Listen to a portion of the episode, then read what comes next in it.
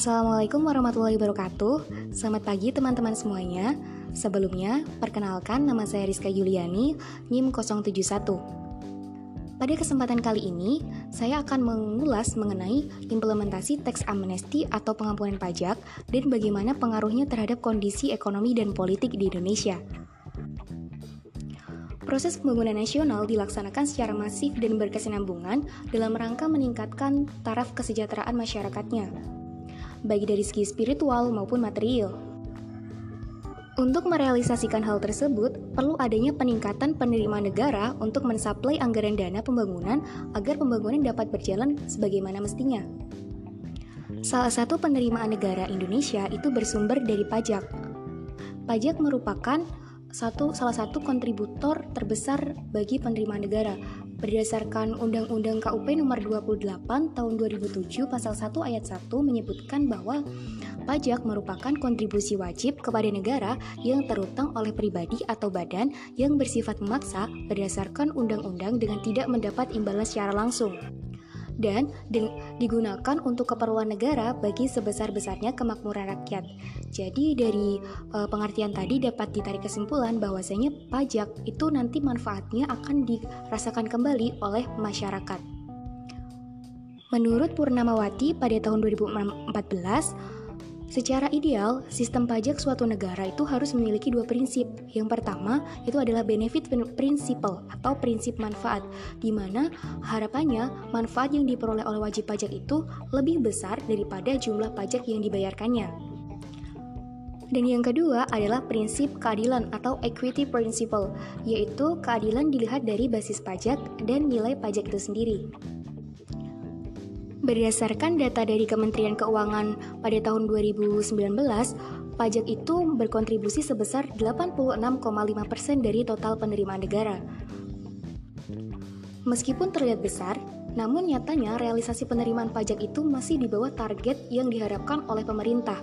Bahkan rasio pajak di Indonesia sendiri masih dibilang rendah jika dibandingkan dengan negara-negara lain atau negara-negara maju bahkan negara-negara perantara.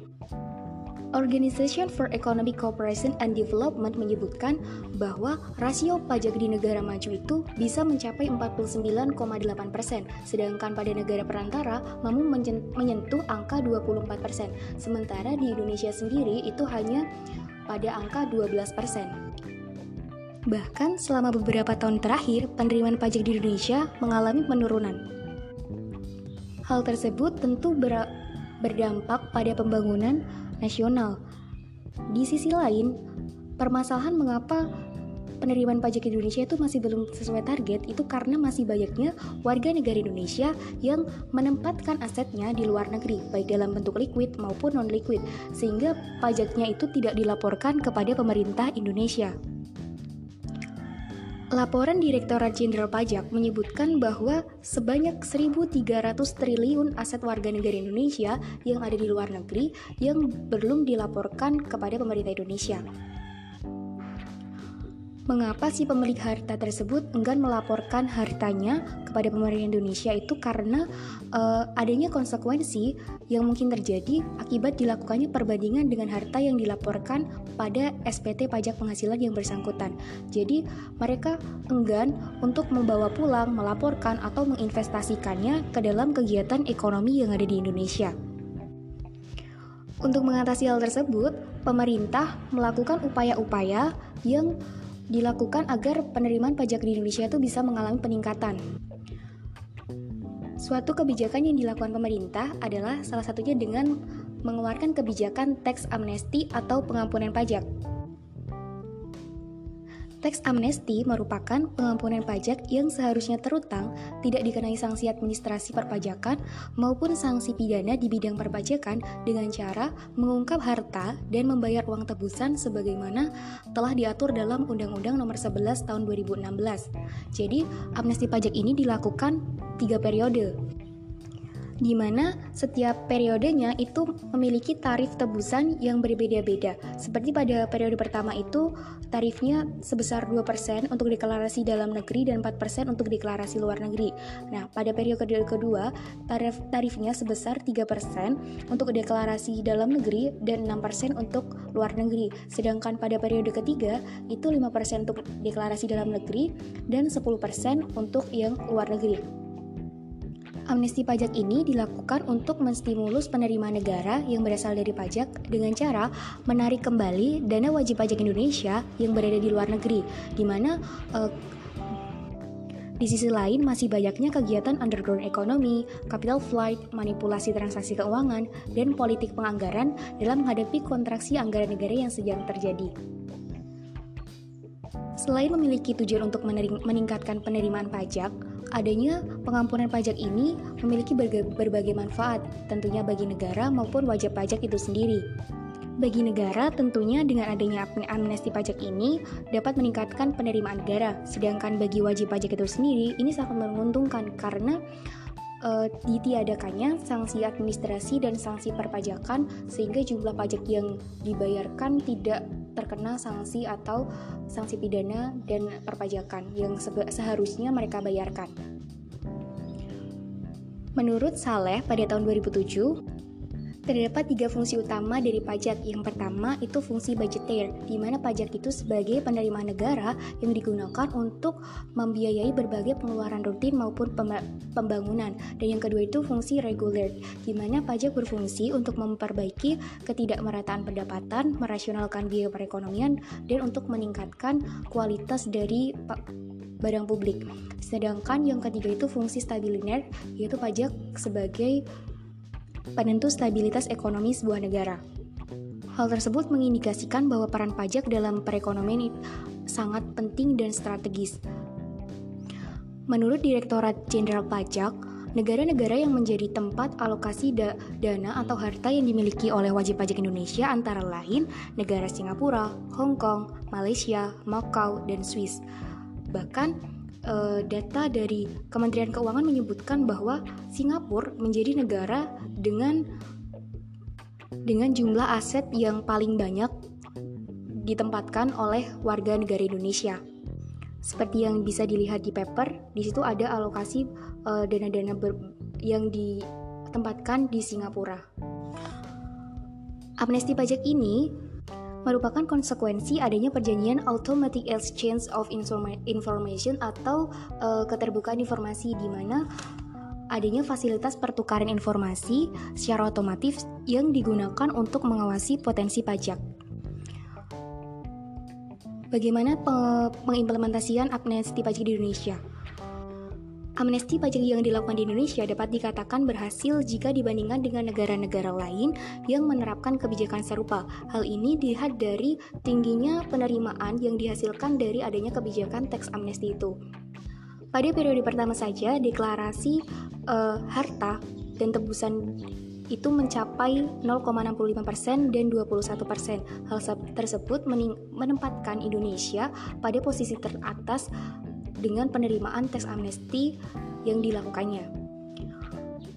Lalu bagaimana pengaruh teks amnesti ini terhadap perekonomian Indonesia? Yang pertama, itu dia akan berpengaruh terhadap rupiah. Mengapa? Karena dana yang masuk dari luar negeri ketika masuk ke dalam negeri harus dikonversi ke dalam mata uang rupiah.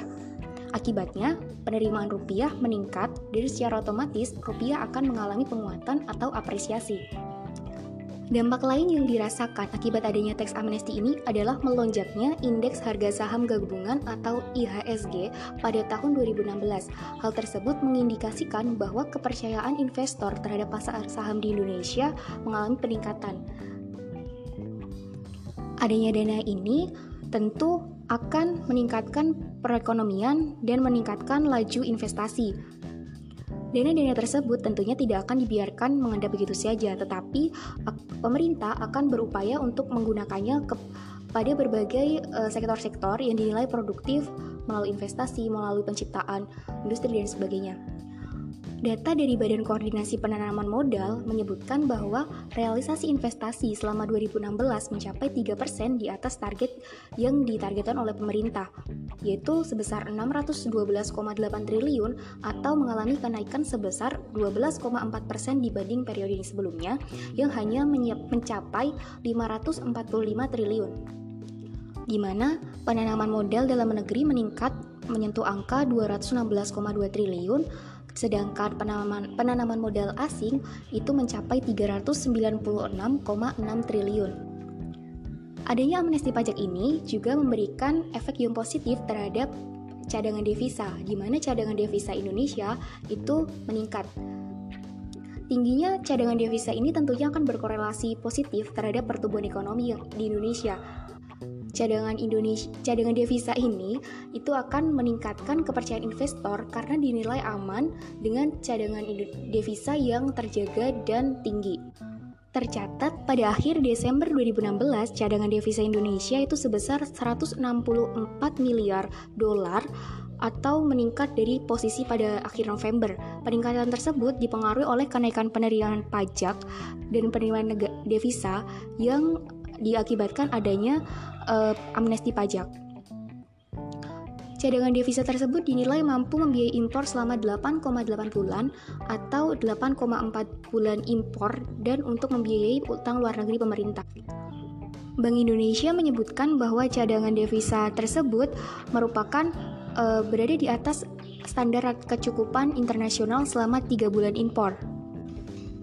Adanya kebijakan teks amnesti ini juga dapat dilihat dengan dampaknya itu dari meningkatnya tingkat kepatuhan masyarakat dalam membayar pajak. Hal tersebut dapat dilihat dari data penerimaan pajak selama 2018 pasca kebijakan teks amnesti. Dilihat dari sisi rasio pajak sendiri, terlihat cukup, cukup signifikan dalam jangka waktu satu tahun, yakni dari 10,7% menjadi 11,5%.